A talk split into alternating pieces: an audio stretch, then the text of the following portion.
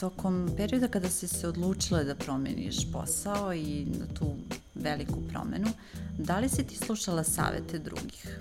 Da, da li je bilo nečega što si rekla, ok, sad ću da idem ovim putem i da li si dobijala savete? To mi isto zanima. Kada nekome kažeš, ja želim sada da promenim, da uradim nešto drugo, želim da se oprobam u nečemu što možda nije specifično, a, kako su ljudi reagovali? Kako je tvoja okolina reagovala? Zapravo, bila su jako čudne reakcije, odnosno, mogu tako reći da me... A to ne čujem prvi put. Zašto ljudi yes. tako reaguju na, na, na informaciju da želiš da promeniš nešto? E, zapravo mogu reći da me niko nije podržao sem supruga. E, čak i moji koji su mi uvek bili tu oslonac podrška i moje najbolje drugarice koje su za svaku moju ideju bile tu, svi su bili daj, ti ćeš sad u doba korona da pokrećeš svoj biznis, kao šta je s tobom? Međutim, ja sam to osetila kao trenutak. E, bukvalno sam bila ok, sad imam dovoljno vremena, mogu da pogledam sve do detalja, gde šta mogu nabaviti, kako mogu pokrenuti, ajde da otvorim društvene mreže, hajde da se posvetim sada tome jer smo zatvoreni, znači dete je sa mnom, cijel smo kući, suprug je tu, Uh, prosto sam imala vremena i znala sam da posle korone ne mogu da tražim novi posao u struci, da su svakako mnogi dobili otkaze, tako da sam bila sad ili nikad. I, i tako sam krenula, jedini suprug bio taj pa probaj, pa šta ima veze? Ne znam koliko i on verova da će od toga ispasti ovo što je danas. A jesi li ti lično ali... tražila neki, neku pomoć i savete? Da li si, ili si se oslanjala na, na svoje dosadašnje iskustvo i rekla, ok, probaću? Da li si pokušala da vidiš da možda i angažuješ nekog ili si rešila stvarno ono sve ću sama? Pa... Ne, zaista sam htela sve sama i ja sama zapravo mogu priznati da nisam verovala da će od toga nastati ovo što je danas.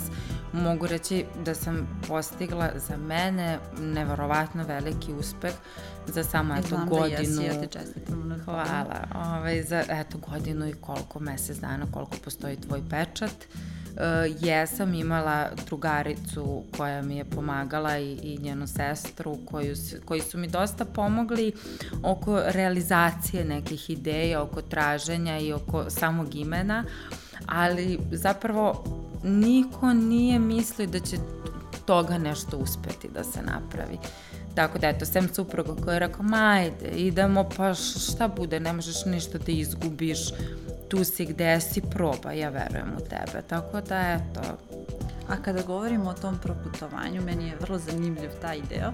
Da li si možda srela nekog e, i da li si pričala sa nekim, e, da li, da li su takvi slučajevi česti? Čitamo o tome možda u stranim medijima, ali kod nas je to baš redko da neko ode negde, vidi nešto i kaže menjam sve iz korena. Mm, koliko si ti nailazila na, na slične situacije?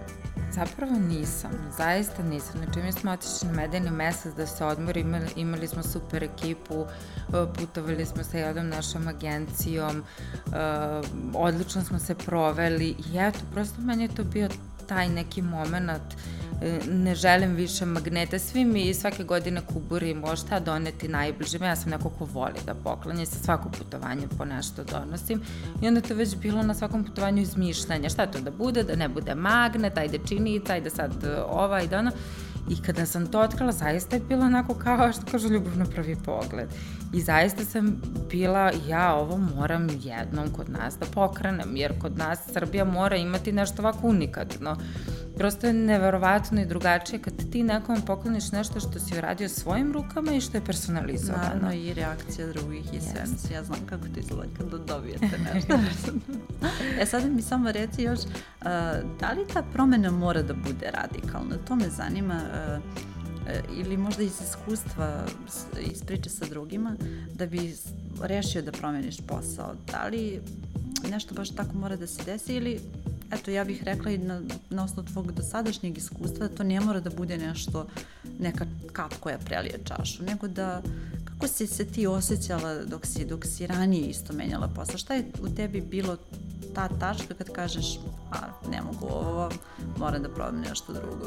Ono šta je, jel te, najteže na svakom poslu jeste kad osjetiš da te neko ne ceni i da se trudiš da daješ sebe kao da je tvoja, ja sam makar taj tip, to sam već spomenula, a onda dobiješ reakciju kao da se to podrazumeva, kao da ništa spektakularno nisi uradio i, ovaj, i onda sam ja tu negde tim modelom prvog svog e, šefa, da kažemo, se vodila, kako je Dragana bila tako fair prema nama, kako mi je tamo bilo e, lepo i ugodno da se dogovorim s njom, da se nagradi, radi, trud.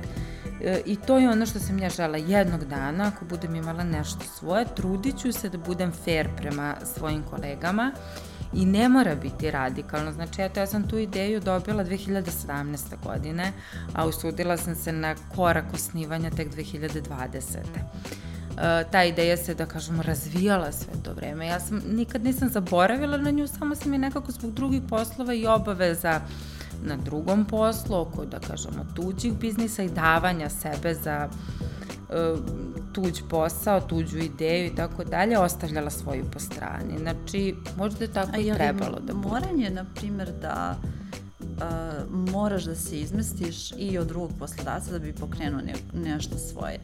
E, moje iskustvo govori da u Srbiji ne možeš da, se, da budeš multipraktik u tom smislu jer svaki posao zahteva.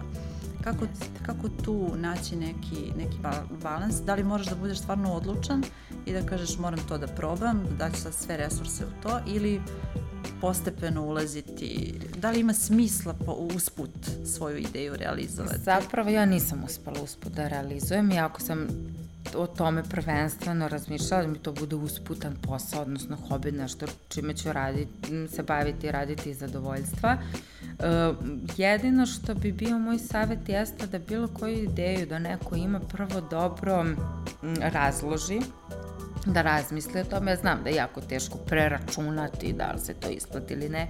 Čak ni ja nisam imala računicu jako dugo šta mi se isplati, šta mi se ne isplati, ali prosto razviti ideju, pripremiti negde posao, sve što ti je neophodno, sirovine, organizaciju posla, sistem rada, što bolji biznis plan, tako da kažemo, napraviti i onda uh, se odvažiti na taj korak i na tu odskočnu dasku. Da li su to ujedno tvoji saveti za nekog ko želi sada da pokrene posao u Srbiji, naročito mlada osoba, mlada, mlada žena.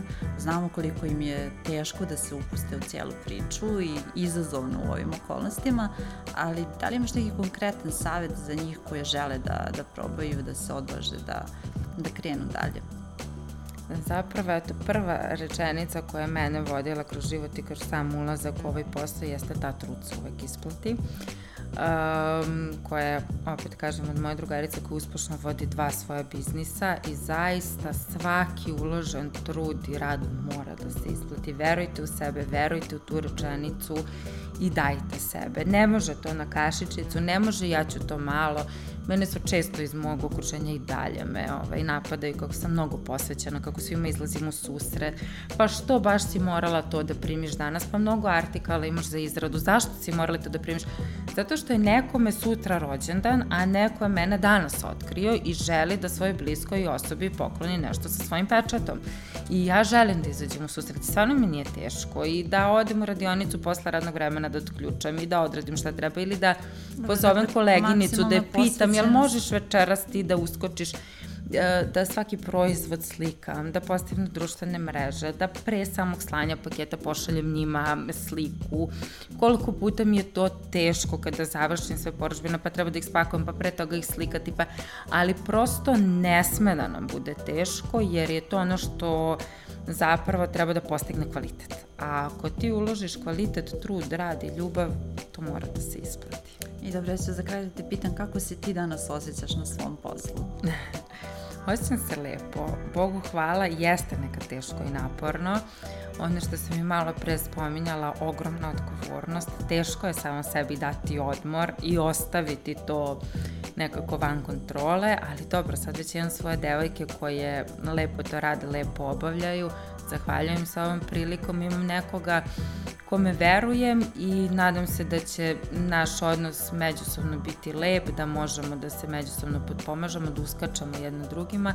Tako da eto, to je negde akcenat sve je moguće ako u to veruješ, budimo pozitivni, trudimo se i cenimo tuđ radi trud. I tako kolege, da i konkurenciju. Tako je, tako je, apsolutno, da.